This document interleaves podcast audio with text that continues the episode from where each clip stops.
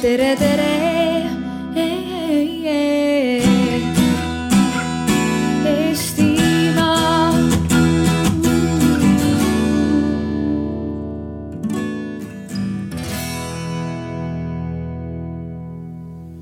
Algab töötuba laik kui narkootikum, palun tulge kõik siia ja kuulake. hakake oma arvamust avaldama. tere, tere, tere, oleme Kolga kolinoored ja meil on au olla ühe lõpmatu arutelu eestvedajateks. mina olen Sirli-Marit Sikka. mina olen Marju Masing.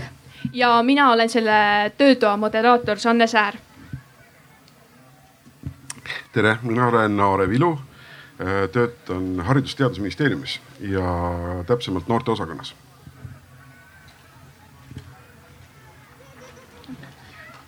ähm,.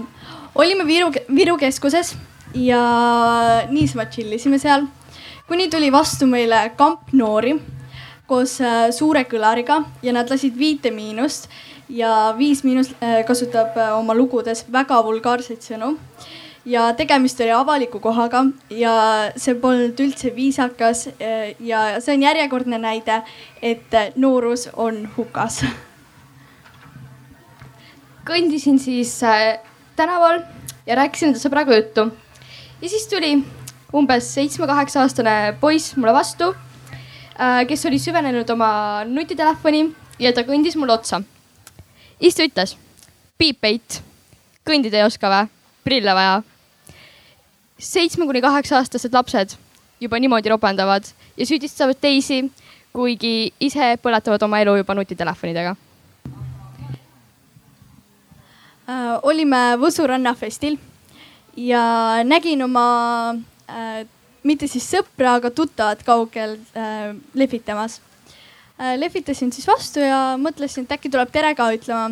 nii oligi, ta tuli mulle lähemale ja kui ta minuni jõudis, siis ta vajus mulle sülle nagu lihakamakas äh,. tegemist oli noore tütarlapsega, kes oli tarvitanud väga palju alkoholi äh,. ja see on ka järjekordne näide, et noorusega ei ole kõik okei okay. ja väga palju on inimesed äh, rää- räägivad, et äh, noorus on hukas ja nii, aga tegelikult on nii palju toredaid noori ka, näiteks minul tuttav, ta tegi sihukese äh, äh, katse, et ta läks linna ja ta kaotas oma rahakoti ära. Äh, ja keegi teine siis filmis samal ajal, mida siis need inimesed teevad kahekümnest inimesest ainult üks võttis rahakoti üles ja need inimesed, kes tõid rahakoti tagasi, nad olid just noored inimesed. ja tegelikult on palju-palju rohkem nii sõbralikke ja nii toredaid noori inimesi, aga alati on äh, raskem märgata positiivseid ja siukseid äh, sõbralikke inimesi äh, kui siis võib-olla mingeid inimesi, kes ei käitu nii hästi. et näiteks kui sa näitled, siis on lihtsam mängida halba tegelast kui head tegelast nüüd edaspidi selle töötoa jooksul, kui te tahate midagi öelda, kui te tahate mingit enda arvamust avaldada, siis äh, on äh, seal äh, mikrofon ja siis äh, tõstke käsi ja te saate kohe äh, vahele öelda enda arvamust. et äh, kordan veel kord teema üle, siis et äh, me räägime siin noorte peamistest tegevustest, sellest tulenevatest probleemidest ja mitteprobleemidest ning sellest äh, omakorda tulenevatest keerulistest suhetest Äh, püüame leida seletusi ja põhjendusi, miks on ühiskonnas levinud arvamus, et äh, lause noorus on hukas all mõeldakse eelkõige seda, et äh, noored on äh, liialt nutiseadmetes ja see, sellepärast ei saa neist asja ähm,. kõigepealt ma alustaksin seda siin äh, nagu ajaloolise poolega, et väga palju on ajaloos ennem ka väidetud, et noorus on hukas. ma loen teile ühe tsitaadi ette tänapäeva lapsed armastavad luksust. Neil on halvad kombed, põlgavad autoriteeti, näitavad üles lugupidamatust vanemate suhtes ja nad armastavad ülesannete ajal jutustada. lapsed nüüd on türannid, mitte abilised majapidamises. Nad ei tõuse enam püsti, kui vanemad tulevad ruumi. Nad räägivad oma vanematele vastu, ahmivad toitu sisse istuvad jalad ristis, kiusavad õpetajaid. mis te arvate, kes ütles seda? pakkuge, julgelt. lapsed ise seda ütles Sokrates ja ta ütles seda peaaegu kaks tuhat viissada aastat tagasi ta ütles seda nii ammu ja kui tema, tema selle jutu mõte oli ju see, et noorus on hukas. ja kui nii oleks olnud, siis me ei oleks praegu siin. kõigepealt, et me saaksime väita, et noorus on hukas, me peame endale selle lause lahti tõlgendama ja kõigepealt, mida me mõtleme hukase all me mõtleme selle all üldiselt, et noored on alla käinud, nad on läinud käest ära, nad käituvad teistmoodi, kui on käitunud nende vanemad või vanavanemad. nagu vili läheb hukka, me ei saa sellest teha äh, leiba kui noored lähevad hukka, siis me ei saa sellest teha ühiskonda ja nemad omakorda ei saa kasvatada järgmist põlvkonda. Äh, see tähendab, et nad ei arenda enam ühiskonda ja on, nad on käest ära läinud äh,. siis noorus äh,, kui me ütleme, et noorus on hukas, siis me mõtleme selle all Z-generatsiooni, kes on siis need lapsed, kes on sündinud äh, umbkaudu nii üheksakümnendate keskelt kuni siis kahe tuhandendate keskeni aga kui me ütleme, et noorus on hukas nutitelefonide pärast, siis me mõtleme Z ja Y generatsiooni, kes on siis Y generatsioon on kaheksakümnendate keskelt kuni üheksakümnendate keskeni sündinud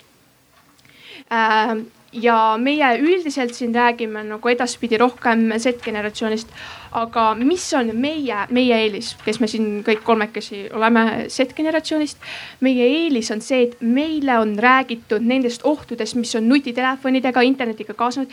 Äh, meile on nendest räägitud koolis. Äh, me oleme nendega kas ise kokku puutunud või me oleme näinud enda sõpru, kes siis kuidagi kas nad on äh, mingitesse probleemidesse sattunud nende pärast? Ja kui meie saame, kui meil on lapsed, siis me saame neid aidata, me saame neile öelda, et äh, kuule, kui sa paned võib-olla selle pildi ülesse, et äh, see võib kuidagi rikkuda sinu elu tulevikus. Y-generatsioon näiteks, kui ma olen ise ka näinud, et kui neil on lapsed, siis nad kontrollivad vähem, mida nad teevad seal ja nendel lapsed võivad jääda väga piinlikku olukorda tulevikus et äh, kui näiteks on töövestlusi, siis avastatakse, et kuskil internetis on mingi pilt üles, üleval, ähm, mis võib piinlikkust tekitada. Äh, kõigepealt, kui me oleme selle tõlgendanud ära endale, mis on siis noorus on hukas. Äh, miks, peame me küsima, et miks see on et kõigepealt arvatakse, et noor, noored lähevad hukka sellepärast, et filmid, multikad nad on vägivaldsed, ropud äh, tegelikult ähm, nad on olnud vägivaldsed ennemgi, näiteks need multifilmid, mis tehti kahekümnendatel Ameerikas, näiteks äh, isegi esimesed äh, Walt Disney multifilmid, nad olid äh, väga vägivaldsed ja seal peksti võib-olla isegi rohkem kui tänapäeva multifilmides.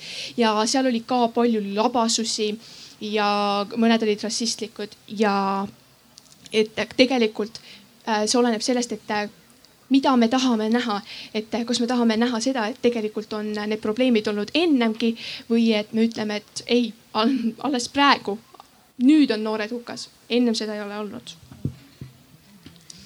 Äh, jah, et teiseks äh, arvatakse, et äh, noored on hukas sellepärast, et nad kasutavad oma aega ebaratsionaalselt.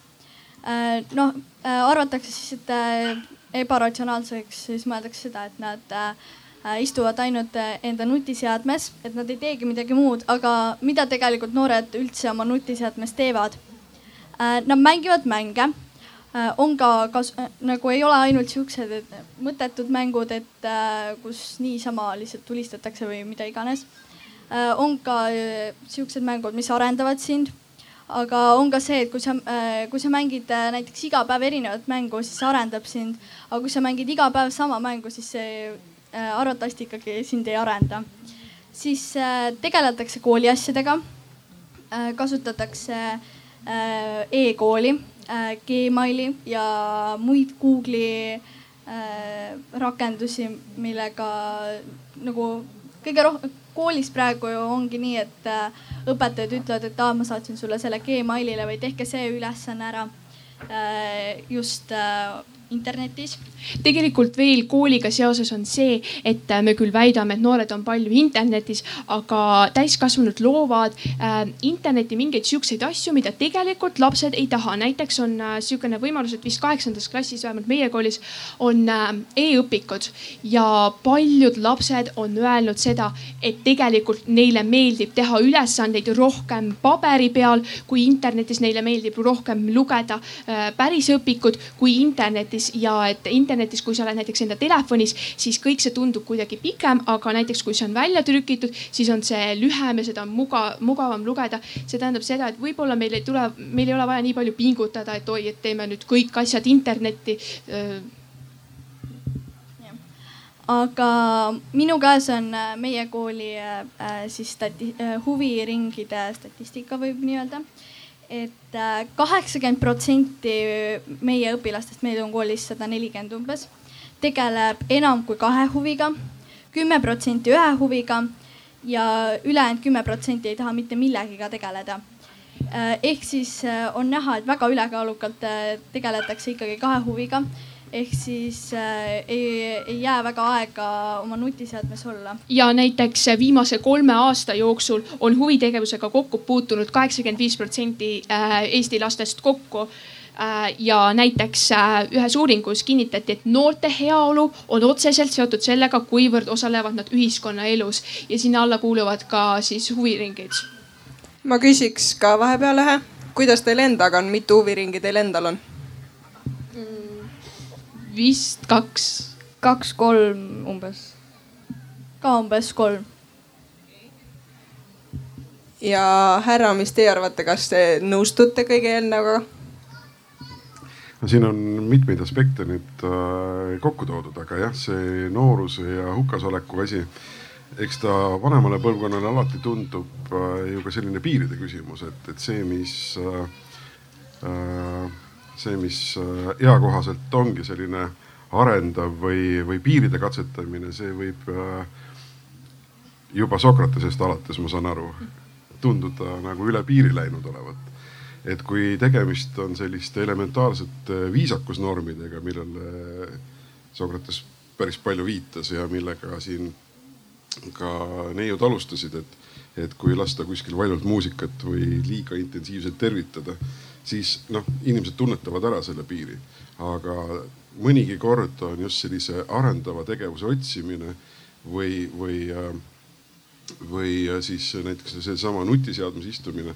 Äh, küsimus sellest, et kas tegelikult äh, need vahendid, mille kaudu arendustegevust otsitakse endale tunduvad arusaamatud, et kui tõepoolest vanaemad vaatavad, et sa istud ainult selles seadmes, aga ta seda sisu ju ei näe, millega te tegelete. et noh, küsimus ka sellest, et kui on äh, siin laik kui narkootikum või, või mingi sõltuvusvorm, siis samamoodi võiks öelda, et äh, nutiseade ei ole ju äh, noore põlvkonna jaoks mitte see, et ta tahaks olla lihtsalt selles keskkonnas, vaid selles keskkonnas tehakse midagi. ja nii nagu oli äh, või nii nagu on normaalne äh, hommikul esimese asjana ärgates hakata suhtlema oma vanematega, oma sõpradega, oma koolikaaslastega, siis praegu sellised äh, vahendid lihtsalt võimaldavad sul seda suhtlusringkonda palju suuremaks, nii et selles mõttes ma saan aru, miks esimene asi on kohe, kohe kas Facebooki või, või mingisuguse keskkonna lahti tegemine, et vaadata, millega sinu äh, huvidega kattuv sõprusringkond tegeleb. ma saangi siia nüüd öelda vahele, et äh, Äh, eelmise aasta seisuga nelikümmend üheksa protsenti kuueteist kuni kahekümne nelja aastastest haarasid hommikul esimese asjana mobiiltelefoni. otsene viide suht-, sõltuvusele jah. kas teie haarate ka? mina. kõik? Mm, vahel ikka. vahel ütle nüüd hästi ausalt, kui sa hommikul silmad lahti teed, kas sa vaatad esimese asjana telefoni? mina pean tunnistama, et mina teen seda. ja ma arvan ka, et enamiku ajast küll. kooli hommikuti küll, suvel alati mitte, aga enamasti küll. aga publik? Kas on telefon voodi kõrval ja esimese asjana läheb ikka pilk sinna, kas keegi on kirjutanud, helistanud, mis see kell on? äratuskell vist, kui paljudel teil on üldse päriselt äratuskell voodi kõrval? enamustel vist on telefon jah? ei olegi kellelgi, no vot. aga tegelikult ma küsiksin praegu publiku käest kõigepealt, kas tõstke palun need inimesed käed, kes arvavad, et noorus on hukas. Mitte keegi. noh, siis pole vist vaja küsida, et kes arvavad, et noorus ei ole hukas, sest Äh, peaksid kõik käed püsti tõusma, aga. aga kas keegi arvab midagi vahepealset ja tahab kommenteerida?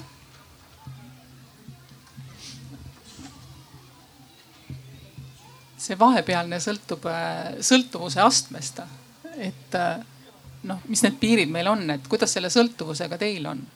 et kui sõltuvad te olete nutiseadmest ja mis see sõltuvus üldse teie jaoks on, kuna pealkiri oli narkootikum, siis see on sõltuvus ju sõltuvuse piir tegelikult on äh, suhteliselt kaugel ja paljud inimesed näevad sõltuvust seal, kus seda tegelikult ei ole ja pigem on see nagu harjumus. aga see harjumus on midagi, mida ennem ei ole olnud, see tähendab, et meie vanemad ei saanud olla sõltuvuses nutiseadmetes, aga meie saame öö, äh, olla põhimõtteliselt sõltuvuses, kuigi enamik meist jah, ei ole sõltuvuses.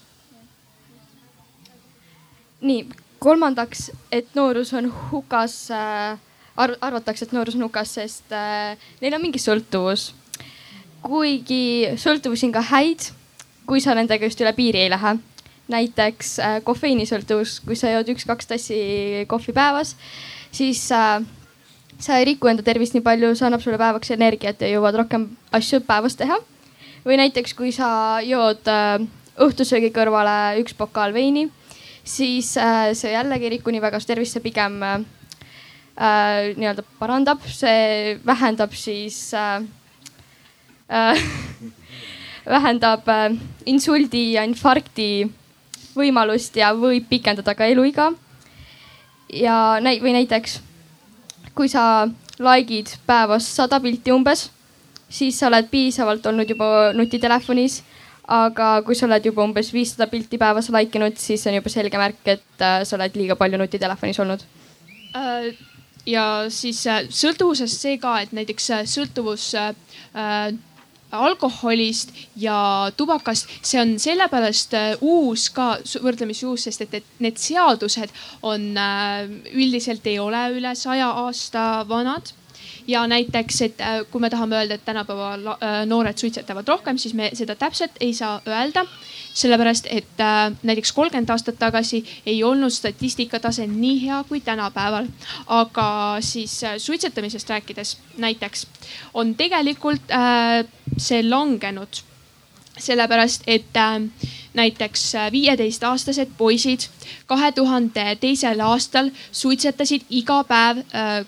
äh et oh, kakskümmend neli protsenti viieteistaastastest poistest kahe tuhande teisel aastal suitsetas iga päev ja ehk siis äh, põhimõtteliselt äh, kahe tuhande teisel aastal iga neljas poiss suitsetas iga päev. kahe tuhande neljateistkümnendal aastal suitsetas igapäevaselt üheksa protsenti viieteistaastastest poistest. Ehk siis see protsent, see on nii palju langenud. Ja samamoodi on tegelikult ka joomisega, et äh, alkoholi joomise kõrgaeg oli kuskil kahe tuhande seitsmes ja kaheksas aasta. Eh, siis eh, joodi kõige rohkem. praegu on see palju-palju kahanenud ja ka kangete alkohoolsete jookide tootmine on kahanenud, aga tegelikult on see tulnud mingi asja arvelt ja praegu on siis pigem suuremaks probleemiks narkootikumid näiteks. et äh,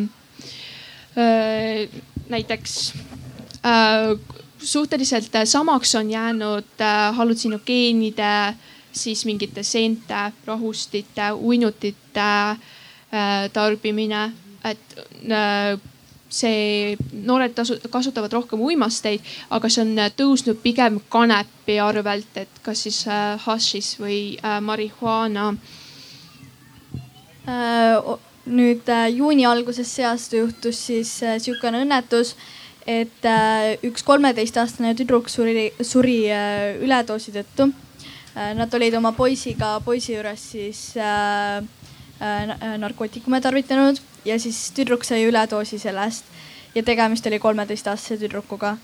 et äh, asjad on päris hullud ja siis äh, Lähme neljandaks, miks hästi palju arvatakse nagu kõige populaarsem arvamus ja meil on, meil oli see pealkirjas ka, et like, et noored on palju nutiseadmestes ja sellepärast nad on hukas.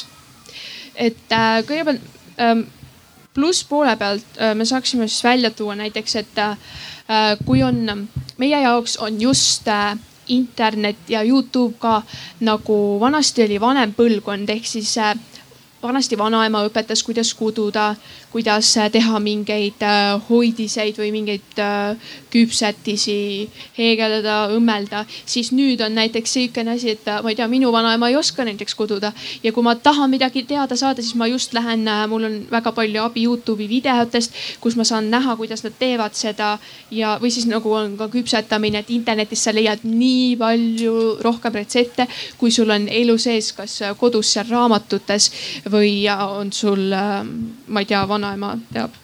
ja et äh, mul on jälle üks statistika eelmise aasta kohta äh,. see on siis üheksa kuni kuueteistaastastel äh, siis äh, et äh, mida, mis äppe kasutatakse kõige rohkem ehk äh, kaheksakümmend viis protsenti äh, kasutab Youtube'i, seitsekümmend kaks protsenti Instagrami, kuuskümmend üheksa protsenti Snapchati ja viiskümmend üks protsenti Facebooki ja nagu näha, ongi äh, Youtube'i kasutatakse kõige, kõige rohkem, et äh, äh, kui ma võtan näite, Youtube on äh,, Youtube'is on äh, siis ütleme nii, et äh, võib öelda mõttetuid videosid kui ka väga kasulikke videosid äh,. ehk siis noh nagu Sanne nimetas on väga palju erinevaid videosid, mis võivad sind aidata.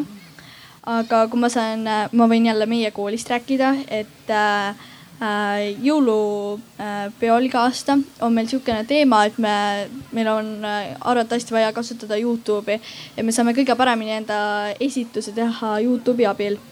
Äh, ja siis kaks tuhat seitseteist aasta jõulupidu, peo teemaks oli meil Eurovisioon ja ütleme nii, et me poleks saanud enda seda esitust nii heaks, kui meil poleks olnud Youtube'i videot ees. Ja su nägu kõlab tuttavalt äh, selle saatega on ju sama asi, et kui seal poleks äh, Youtube'i videosid ees, siis ega need, need parodeerim-, parodeerimised nii head ei oleks ja tegelikult Youtube'is on see ka, et äh, viimasel ajal on hästi palju tulnud ka, ka näiteks sihukeseid videoid, kus need inimesed räägivad, et tegelikult kõik ei ole seal nii ilus ja nii lilleline. et neil on ka endad probleemid, näiteks kui on mingi laps, kellel on äh, näiteks, kas tal on depressioon või tal on äh, kas mingid äh, söömishäired või ükskõik missugune probleem, siis äh, paljud inimesed jagavad seal enda lugusid ja kindlasti need aitavad. et kui sa oled näiteks sügavas depressioonis ja keegi annab sulle nõuandeid, siis see võib isegi su elu säästa. ja viimasel ajal just on nagu hakanud nii-öelda need Youtube erid äh, enda elu siis äh, näitama enda halbu pooli, ehk siis rääkimagi enda kas neid depressioonidest või midagi. ja toitumishäiretest ja üldse nagu nendest asjadest. ja kui on äh, selles mõttes, et nutitelefonid on loodud sellepärast, et me hoiaksime sealt äh, aega kokku, et me võidaksime aega, me saame ju kõik äh, seal ostelda ja mis tehinguid teha hästi kiiresti ja tuuakse välja ka see miinus, et näiteks mõned töökohad vähenevad aga samas on äh, seal ka nagu uus äritasand ja seal saab samuti teha äri, kõik reklaamindus toimib seal päris hästi. ja näiteks, et äh, me võime öelda, et äh, kui on laps vaatab hästi palju Youtube'i videoid või mängib hästi palju, et siis tal näiteks empaatiavõime kaob. et no see on nagu suur asi ja kindlasti see on võimalik, aga. kuidas see oli, väidetakse, et kaob empaatiavõime?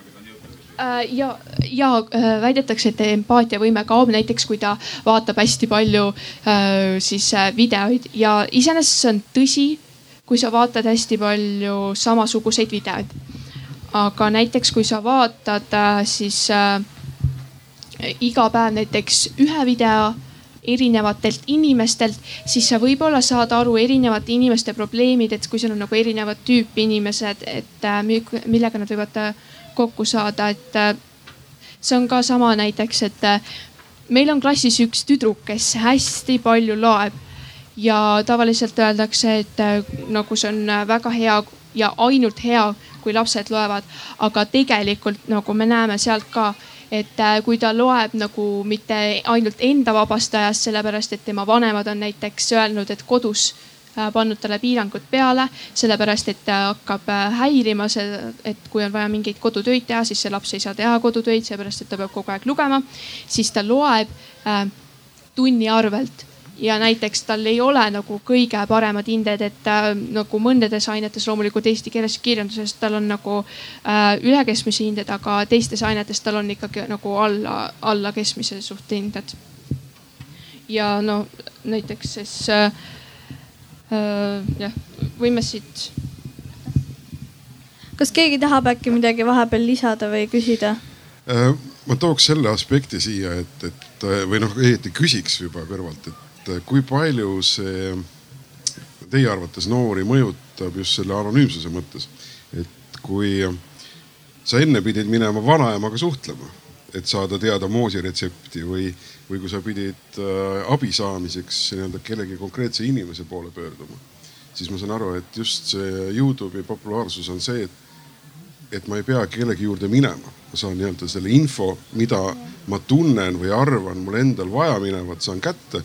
Aga ma kuidagi nagu enda isikut ei pane sinna sisse või mul ei teki nagu sellist äh, noh, ma ei tea, kas see viib siis selle empaatiani või, või sellise suhtlus, suhtluseni välja, et, et mul mingit sidet sellega ei teki. ma kas võtan selle info omaks või ei võta seda infot omaks. kas ma saan sellest kasu või ei saa.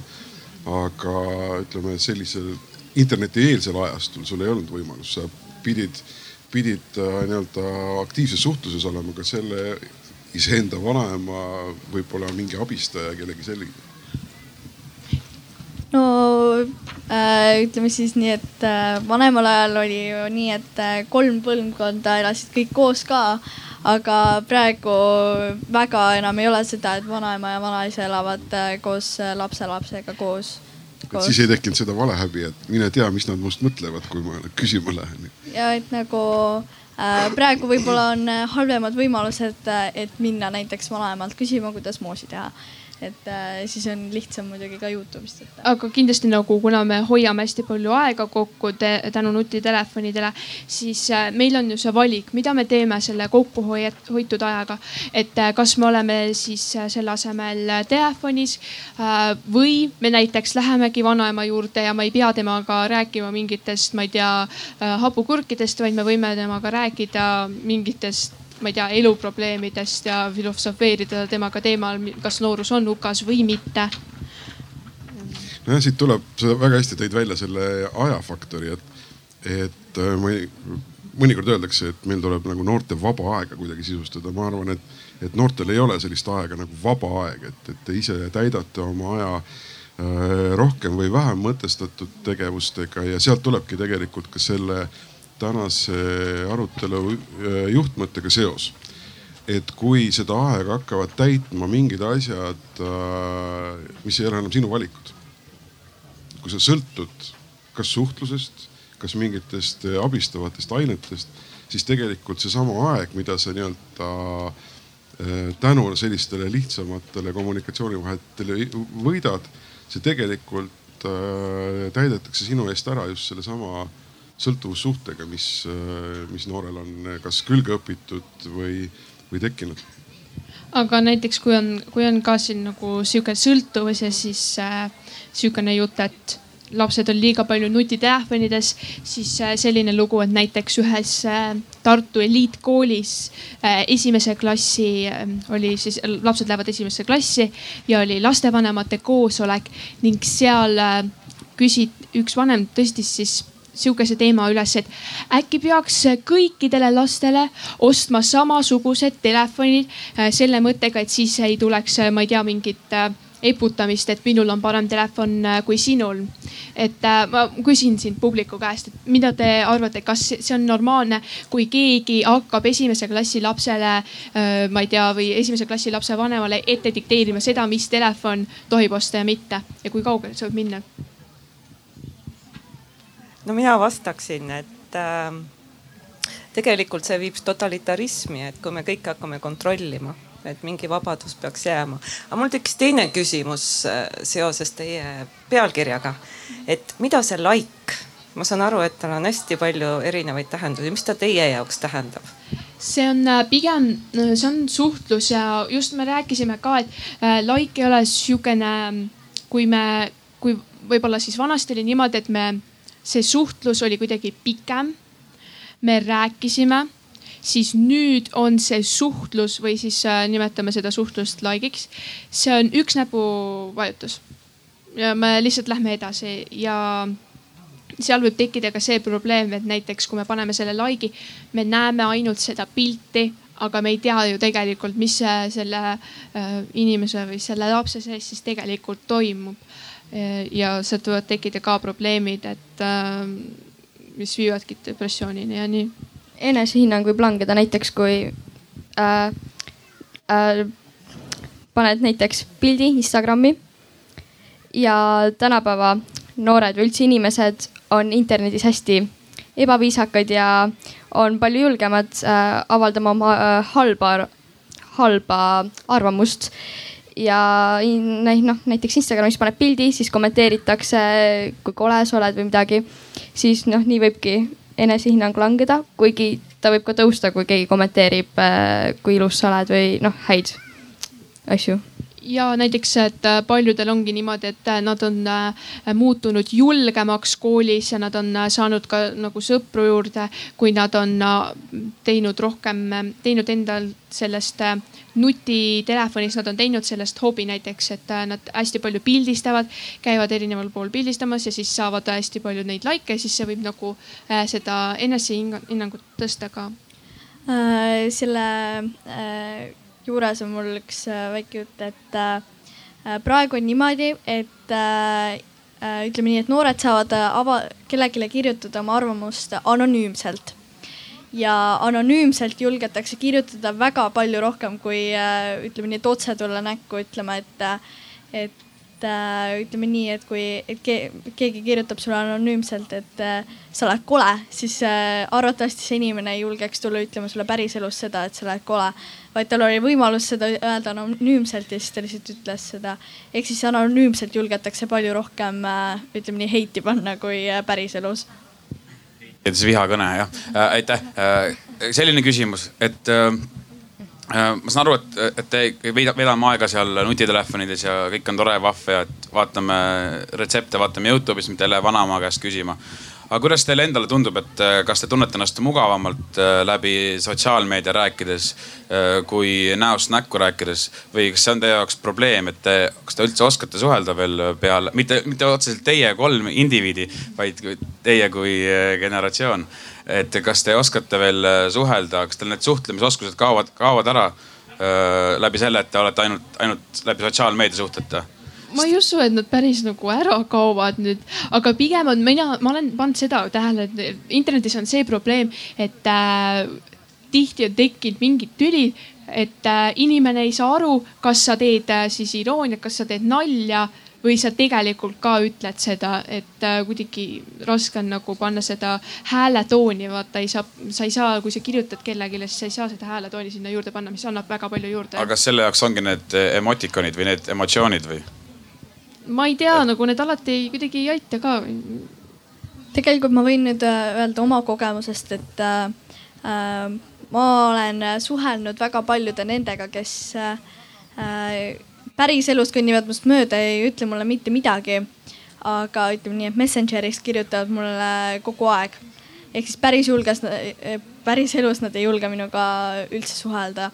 et äh, inimesed on erinevad, ütleme nii siis ja, ja võib-olla nagu annabki see julgust juurde, et äh, kui me näiteks ei julge kellegiga suhelda, aga me ju, nagu väga tahaksime temaga rääkida, siis äh, internetis me saamegi nagu lihtsalt mõtleme, et ah, lihtsalt kirjutan talle ja ütlen tere ning sealt võib, võibki nagu see suhtlus areneda ja siis pärast äh, pärisellu üle liikuda, areneda suuremaks suhtluseks.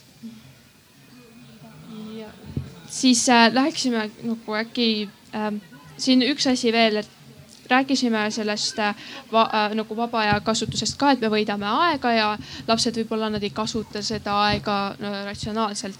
aga tegelikult on siis äh, kahe tuhande seitsmenda aastaga võrreldes, mis tegevused on kasvanud, mida teevad lapsed nüüd rohkem, on näiteks raamatute lugemine mingi hobiga tegelemine, sinna alla siis mingi muusikakool, näiteringid intensiivse spordiga tegelemine ja siis interneti äh, kasutamine, millest me oleme rääkinud. aga näiteks, mida tänapäeval ei tehta nii palju kui kahe tuhande seitsmendal aastal, on siis näiteks sõprade õhtut, sõpradega õhtuti väljas käimine peol, baaris ähm, arvutimänge mängitakse vähem äh, ja ei käida enam nii palju äh, sõpradega ostukeskustes või parkides äh, tänaval siis hängimas.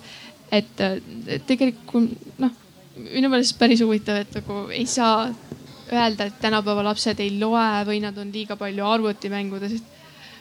Nad on pigem siis mängivad, ma ei tea mm -hmm., telefonis mul oleks küsimus, et kuidas ikkagi siis pääseda sellest nutineedusest, et äh, noh, me teame, et on palju, inimesed on palju nutiseadmetes ja noored eriti, et kuidas siis pääseda, et kas nii nagu Prantsusmaal, et äh, on keelatud siis nutiseadmete kooli kaasa võtta. kevadel tuli see seadus, et nad uuest õppeaastast enam ei tohi võtta kuni viieteistkümnenda eluaastani, et kas teile sobiks see variant? ma arvan nagu. ja kas on üldse vaja pääseda? jah, et kas on üldse vaja ja kuidas, kuidas üldse lahendada seda olukorda, et me nutiseadmetes oleme, kas me peame seal olema või ei pea? Mõnel inimesel on enesekontroll suurem ja seda on ka, ma rääkisin, meie klassis on ka näha, et mõni inimene suudab kontrollida, mõni inimene suudab õppida samal ajal, kui ta on enda nutitelefonis, aga mõnel inimesel seda on nagu otseselt näha, et kui õpetaja võtab selle telefoni ära, siis ta hakkab sellest hetkest rohkem tööd tegema. Äh, ma arvan, et äh, kui selle Prantsusmaa kooli äh, asjast rääkida, siis ma arvan, et nüüd noored on sellised skeemitajad, et ma võin meie klassi ühest poisist jälle rääkida. et õpetaja korjas tunni alguses telefonid ära, ära, ära ja siis äh, tal oli kaasas kaks telefoni üks, mis töötas, teine, mis ei töötanud ja tema andis õpetaja kätte selle, mis ei töötanud. ja siis ta sai ikkagi terve tunni telefonis olla ja on ka teisi, näiteks mõned annavad äh, oma telefoni kaane ära ja ka äh, öeldakse, et äh, telefon on näiteks kodus. et äh, jah ma arvan, mida kauem see seadus oleks äh, nagu äh, meil siin ja äh, näiteks äh, kui oleks nagu esimesest klassist alates tehakse sihukene seadus, siis see toimiks, aga praegu näiteks, kui äh, järgmine aasta või nagu, kui me lähme nüüd kooli ja kui meile öeldakse, et nii, et nüüd me korjame iga tunni alguses telefoni ära, siis meie puhul see ei toimiks, aga noortemate puhul see võiks hakata toimima esimesest klassist alates lasteaias. Nojah, aga kui noortega teha selline kokkulepe, et äh, mitte lapsevanemad ei ole need, kes otsustavad et kuulge, teeme niimoodi, et me selliseid segavaid asjaolusid, noh, see ei puuduta ainult äh, neti, nutiseadmeid, vaid noh, et lepime kokku, et mis on need äh, asjad, mis segavad meid õppetöös või mis asjad on need, mis segavad meid öö, äh, otsesuhtluse juures. et, et kas sellised öö, noortega läbi arutatud mõtted ja, ja kui me noortega koos otsustame, et teeme siis sellisel viisil siis kas need töötaksid paremini, kui keegi käsib, keelab, sest ma tean, et äh, Eesti koolides on seda ka nagu kokkuleppena kasutatud ja kindlasti peaks rohkem noortega rääkima, sellepärast et äh, mõndade nagu reeglite või mõndade, kui ma rääkisin siin ennem ka äh, e-õpik, et on selgelt näha, et nad ei ole rääkinud noortega ja nad teevad midagi. ja siis nad arvavad, et see meeldib lastele ja noortele, aga tegelikult nad ei tea seda et äh, näiteks äh, kui on siin nutitelefonid, siis tunni ajal neid saaks äh, hästi kasutada.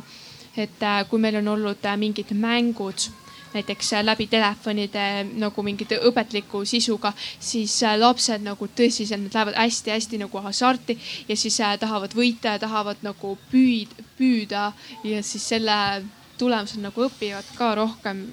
minul on sihuke tunne, kui me oleme olnud nagu telefonidega teinud tunni ajal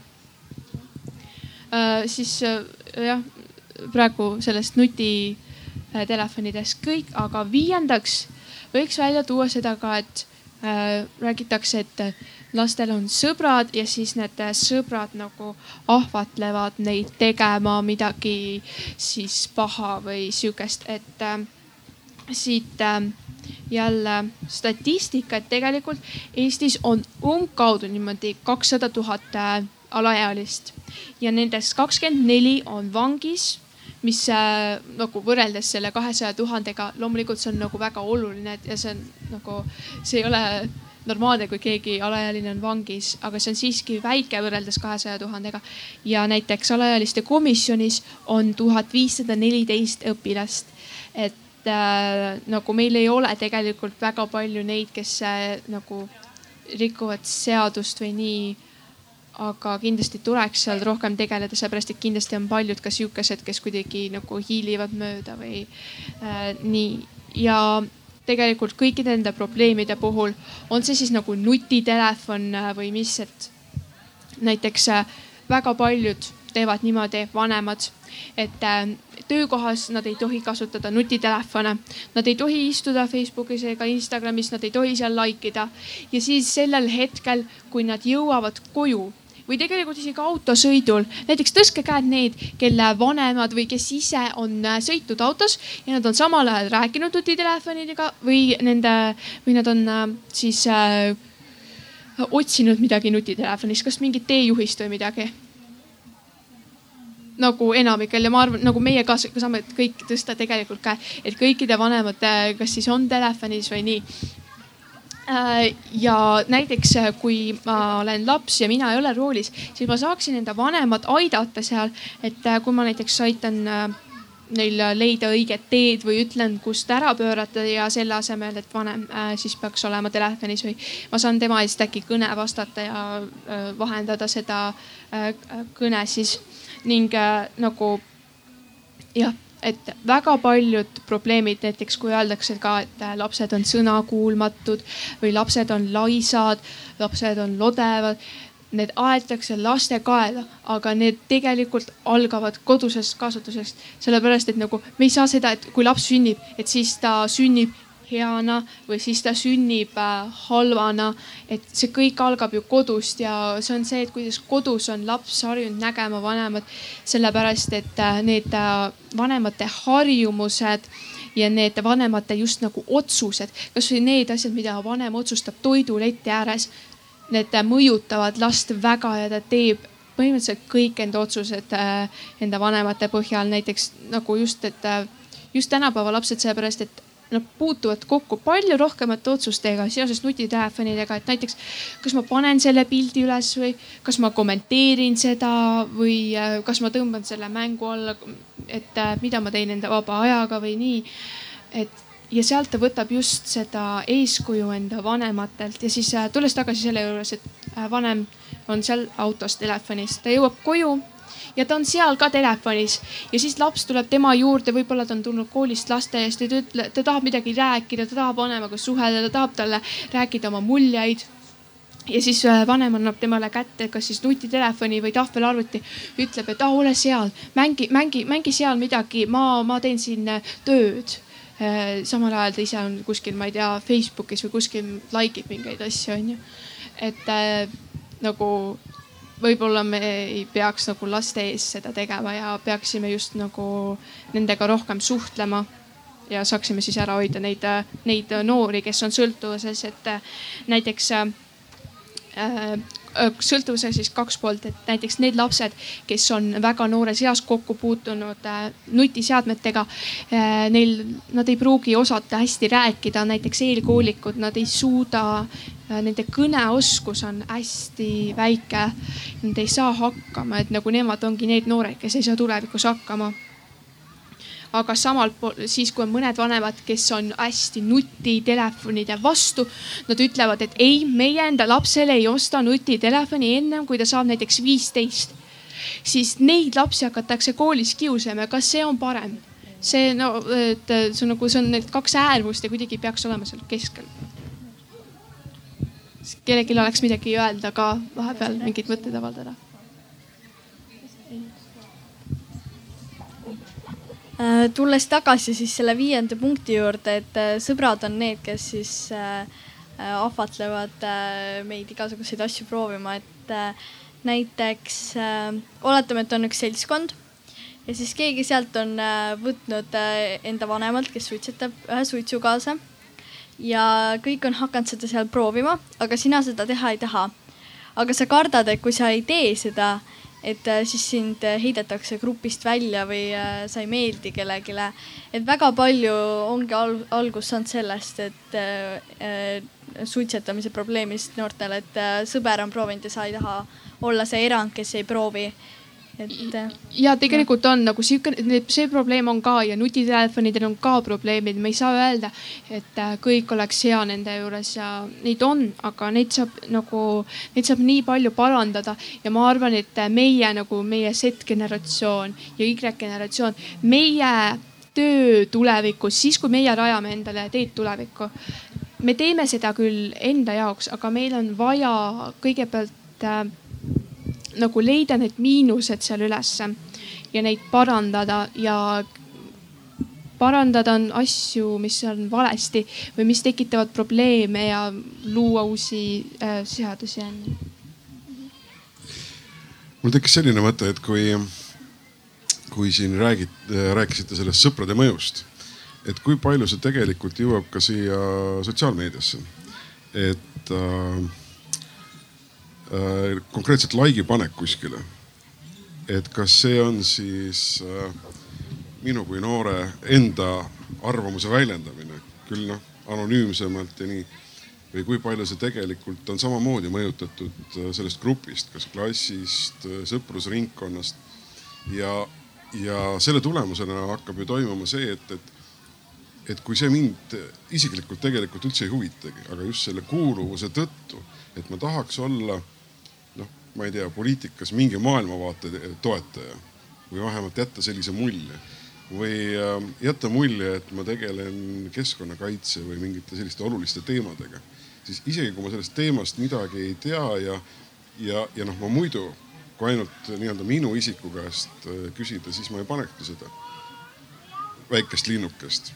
ja, ja teine mõte on selles, et, äh, et kui äh, väärtuslikuks see äh, oma heakskiidu või halvakspanu äh, mõte ikkagi nagu enda seisukohalt on. et kui see on tõesti selline, et ma nägin ühte pilti, panin äh, positiivse, negatiivse like'i või, või heidi ja järgmisel sekundil olen läinud, et tegelikult need teemad hakkavad või võivad üsna pikalt äh, äh selle sotsiaalmeedia arvamuse pinnalt hakata, kas siis avalikus meedias või, või ka eh, nii-öelda sellist eluolu kujundamatena juba elada. et, et kui väärtuslik selle like'i panek on, et see, et selles sõltuvus on, et ma pean nagu iga päev vähemalt kahtesada, kahtesada märki näitama. mõtlemata tegelikult, kas need asjad elavad eh, oma elu edasi või mitte ja see on kindlasti, et äh, sotsiaalmeedias on kõik see väga pinnapealne ja äh, kui me paneme selle Instagramis like'i, me paneme järgmise pildi ja me oleme juba unustanud äh, selle sisu või me ei mõtle väga palju seal ja see, see ongi nagu see, seal on hästi suur probleem. et äh, me ei, me mõtleme palju vähem, kui me paneme seal Instagramis selle ruttu-ruttu lihtsalt like'i ja lähme edasi ja, ja tegelikult see, et äh, on, äh, kui on sõbrad ja siis on mingid grupid, et kindlasti minu, ma olen nagu seda ka tähele pannud, et seal, kus on juba like'e, sinna tuleb rohkem neid juurde ka ja kus on vähem like'e, siis nagu sinna väga ei tule. et kas sul on nagu hästi palju või siis sul on nagu äh, vähem ja see oleneb oleneb ka, et kindlasti, kui sul kui sul on siis, ma ei tea, rohkem sõpru, et näiteks kui me räägime siin sõprade mõjust, siis tegelikult äh, nagu filmides on ka ja reklaamides näiteks, et äh, kui on mingid peod, siis on kindlasti hästi palju erinevaid sõpru, aga ikkagi on niimoodi, et äh, sa ei tea, kes need sõbrad on seal peol Äh, nad ei olegi nagu sõbrad, nad võib-olla isegi ei ole su tuttavad, lihtsalt kuskilt keegi tuli sinna, pole tähtis. Neid on lihtsalt palju, et äh, väärtustatakse sõprade juures siis seda kvantiteeti, mitte kvaliteeti. ja kindlasti ma arvan, et sotsiaalmeedias ja nende likeide panekul, et seal on hästi oluline see, et kui palju sul neid on, et mida rohkem sul neid tuttavaid on, seda rohkem sul on neid likee ka no praegu ma saan jälle ühe näite tuua, et äh, äh, üks äh, tüdruk julges öelda teisele tüdrukule välja, mis ta arvab temast. ja ütleme nii, et see arvamus oli negatiivne. ja siis selle, selle tüdruku sõbrad kes, kellele oli öeldud äh, see arvamus, need hakkasid äh, igal pool, äh, ütleme Instagrami story des ütlema, et hakkasid sõimama teda, et aa, et ta on selline ja selline, kuigi nad isegi ei tunne seda tüdrukut. ja et see tüdruk avaldas lihtsalt oma arvamust, et ja, ja väga suur nagu grupitunne on ka ja siis, kui keegi midagi ees teeb, siis kindlasti tulevad kõik järgi ja eh, hästi palju nagu jah, tõesti grupeeringuid on ja et et äh, selles mõttes jah. et tegelikult see oli ka õige mõte, et äh, näiteks kui sa tahad olla hästi nagu ma ei tea, äh, keskkonnateadlik, siis selles mõttes sa ei vaata seda näiteks, et mis brändilt sa enda riideid ostad, et kas sa ostad mingeid äh, ma ei tea, kuskil Indoneesias mingi, ma ei tea, alaealiste poolt tehtud riideid. vaid sa pigem lähed sinna Instagrami ja siis sa, siis hakkad seal jälgima mingeid, ma ei tea, mis organisatsioonid seal on, Greenpeace ja siuksed, et see on, see elu seal sotsiaalmeedias on kindlasti suhteliselt võlts. mul on taas küsimus like'i kohta, et aga äkki annaks parandada koolielu niimoodi, et kui tund on lõppenud, siis panete kohe õpetajale kas like'i või mitte, siis me noh, siis õpetajad teavad ka, et kas see oli hea tund, kas see hakkaks toimima? Võiks küll, aga see, ma mõtlen, et see võiks olla tegelikult anonüümne, sellepärast et siis võib-olla julgeks panna arvamust, et sellel on jällegi see negatiivne pool, et siis, kui see on anonüümne, siis äh, julgetakse öelda mingeid põhjend-, äh, ilma põhjenduseta negatiivseid asju. aga samas mul on sihuke tunne, et äh, jah, et see töötaks paremini, kui me saaksime lihtsalt panna sinna selle like'i või panna selle siis unlike'i negatiivse. et jah, töötaks vist nii paremini. aga siis me lähme nagu, hakkame siin vaikselt lõpetama ja seda et äh, tegelikult nende nutitelefonidega ja nendega, et nendega on väga raske olukord, sellepärast et näiteks alkoholiga ja siis äh, äh, tubakaga, narkootikumidega me enam-vähem teame, kuidas nendega suht- äh,, nendesse suhtuda äh,. Nende vastu on võetud vastu äh, nende väga palju seadusi on et äh, alaealised ei tohi teha äh, suitsu, nad ei tohi suitsetada, nad ei tohi alkoholi juua ja narkootikume ei tohi siis äh, mitte keegi tarvitada aga nutiseadmetega meil ei ole nagu nii väga reegleid ja ühiskonnas ei ole ka nagu väga kindel see arvamus, et mida me teeme. Siis, et me teame, et äh, me teatris lülitame välja ja nagu on mõned kohad, kus võib-olla ei ole viisakas kasutada, noh, ongi nagu näiteks tunnis. aga mida me, kuidas me nagu käitume sellega? Ja ühiskond nagu üldiselt nagu, kui me läheme näiteks tänava peale, kui me küsiksime siin kellegi käest, et mida te arvate, et kas alkohol on hea tervisele, siis äh, no ma olen ikka kindel, et nagu üheksakümmend üheksa protsenti ikka ütleksid, et ei ole hea, et loomulikult ei ole hea, suits ka ei ole hea, narkootikumid ka ei ole head. aga nagu telefon, mõned inimesed kindlasti ütleksid, et ei, ei, et ei nagu telefon, see on väga ohtlik tervisele, aga mõned ütleksid, et ei äh, me ei tea seda veel ja võib-olla see on just hea, et see, ma ei tea, kasvatab meist, äh, ma ei tea, mingeid empaatiatundeid ja mis erinevaid toredaid omadusi. ja siis ongi, et me peame välja mõtlema, mis on äh, nende ohud rohkem täpsemalt ja me peame just nagu seadustes ka nagu äh, ma ütleks siis mõned äh, need nutisõltuvuse tagajärjed siis, et äh, nagu me ennem juba rääkisime, siis empaatiavõime võib kaduda ehk siis äh, mõista teisi inimesi äh,. enesehinnang võib langeda äh,. autoõnnetused, no kui äh, inimene, kes on autoroolis, on telefonis siis äh, ta on süvenenud telefoni ja ta ei vaata teed ja võib äh, tulla või juhtuda autoõnnetus.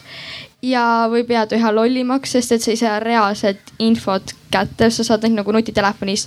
aga sul ei pruugi see nii nagu kergesti meelde jääda. ehk siis nagu nutitelefonis on küll palju infot, mida saab hästi kiiresti kätte. aga see on sama, kui äh, mu riiulis on entsüklopeedia ehk siis informatsiooni omamine käeulatuse kauguses ei tähenda seda, et ma veel tark olen. ja see on nagu selle, seesama asi ka, et näiteks, et kui mul on äh, terve raamat, äh, terve riiul täis raamatuid, see ei tähenda, et ma olen see nüüd äh, targem, ma pean ikkagi selle kätte võtma. ja kui meil on nagu nii hea võimalus, nagu seda on telefon, et me saame siit kohe otsida välja nagu põhimõtteliselt ükskõik mida et siis me saame, siis me peame kasutama seda võimalust ja otsima sealt seda informatsiooni ja.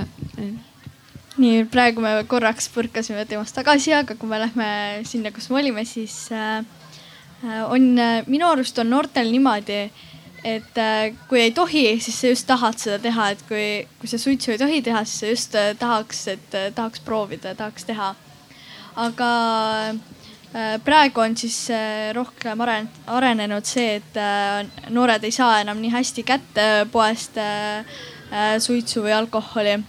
Aga mina tean küll paari oma tuttavat, kes Äh, lähevad äh, vabalt äh, poest, ostavad endale ise suitsu ja värke, et ja näiteks äh, nende kättesaadavus, näiteks narkootikumide kättesaadavus on suurenenud ja üha rohkem noori siis teab, et kust põhimõtteliselt saada kätte narkootikume ja no kui sa juba seda tead, siis sa tead ka, kust saada kätte suitsu ja alkoholi. et äh, see oli päris huvitav mõte, et kui sul on äh, kodus äh, sadu või tuhandeid raamatuid, siis see ei tähenda seda, et sa veel äh, oskad, oskad lugeda. et ma ei tea, tänase teema laienduseks võiks siis öelda, et see, et sa paned päevas kakssada laiki, ei tähenda veel seda, et sul oleks, isiklik arvamus. et selles mõttes muudab ta jälle huvitavaks, et kui me ennem rääkisime, et alati on hea, kui me noortega räägime või äh, uurime ja saame teada noorte arvamuse, siis see lööb natukene seda pinda alt ära, et, äh, et sedasama nutiseadet kasutades me võime ju väga lihtsalt noorte arvamust hakata kokku koondama. paneme mingisuguse teema, mingisuguse küsimuse või mingid arengud äh, üles ja, ja ongi väga lihtne näidata, et kas me oleme selle poolt või vastu. aga tegelikult tuleb välja, et äh, nii vanemal põlvkonnal äh, nii õpetajatel, ma arvan, nendest äh, anonüümsetest kommentaaridest äh, on natukene vähem abi, kui näha seda klassi vahetut reaktsiooni. nii et kindlasti on, äh, kindlasti on minu meelest väga head vahendid, need seadmed, et saada nii-öelda sellist üldsuunda või üldsuundumust. aga, selliseid konkreetseid ja sõnastatud asju, noh kasvõi see seesama, tulles tagasi moosi retseptini. et üks asi on saada nii-öelda teada, et pannakse kokku marjad, suhkur ja natukene veel midagi. aga eh, oma vanaemaga annab tegelikult ka nii asjadele või, või, või teemadele, kui neti juurde tagasi tulles annab selle nii-öelda isikliku või, või konkreetse, konkreetse touch'i, touch'i ja sellise väärtuse ja nagu noorte arvamusega on ka see, et äh, tegelikult nagu noored võiksid rohkem enda arvamust öelda ja kindlasti nagu üha rohkem on neid võimalusi ka ja mulle hästi meeldib nagu kooli juures ja kui õpetajad üldse korraldavad äh, klassides või nii mingeid äh, nagu väikseid väitluseid või näiteks see ka, et küsiti klassis siis tunni ajal, et need, kes arvavad, et noorus on hukas lähevad paremale ja need, kes arvavad, noorus ei ole hukas, lähevad siis vasakule poole ja siis äh, pidime näiteks äh, kaitsma, et miks me arvame, et kas see on või ei ole. ja see on äh, väga hea, sest siis saavad noored enda arvamust välja öelda, kindlasti kõik ei ütle ja see on, oleneb ka nagu klassidest, et mõned klassid on nagu julgemad, mõned julgevad öelda, aga mõned on hästi tagasihoidlikud ja ei tee nagu suud lahti ja ma küsin ka korra vahele, et kas publikust keegi soovib ka veel sõna, enne kui me selle teema tänaseks kokku tõmbame? tahab keegi öelda midagi, sina? et äh, kui palju teie üldse ise olete enda nutiseadmetes päeva jooksul ja mida te seal teete uh,? mina olen noh, võib-olla natukene liiga palju aga ma ei tea, ma olen nagu rohkem sotsiaalmeedias, Snapchatis, Youtube'is, no Instagramis, Facebookis nagu sihukestes kohtades. ma arvan, et ma olen nagu, äh, ma olen alla keskmise, mis sa arvad? no ma arvan ka, et ma pigem olen üle keskmise, et ma võiks rohkem piirata seda aega. aga kui ma olen oma nutiseadmes, siis ma ka pigem suhtlen äh, inimestega. jah äh,. Äh,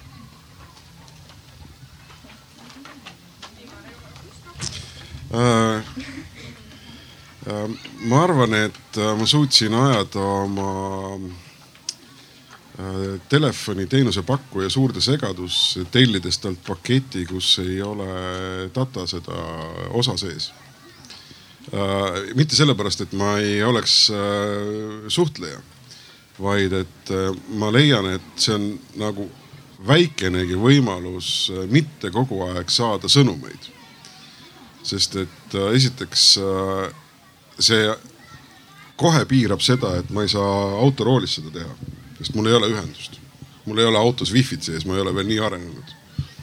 aga kõik muud kohad, kas ma kasutan ühistransporti bussis, kas ma kasutan mingit a la töökohta siinsamas platsi peal.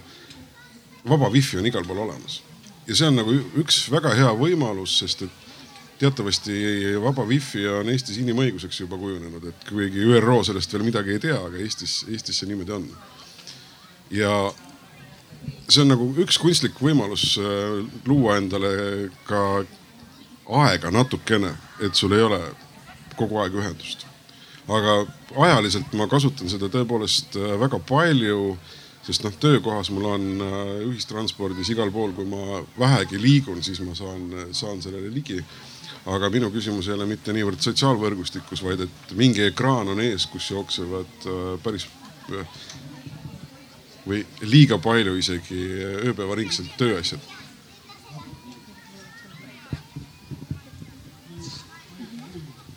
Ja siis võib-olla võtaksin kõik need asjad nagu kokku ja püüaks siis Äh, sõnastada, et äh, selle, et me oleme äh, nagu selle keskne küsimus on siis see, et kas noorus on hukas ja ma arvan, et see oleneb kõik sellest nagu, kuidas me vaatame seda ja kust punktist me vaatame seda ja.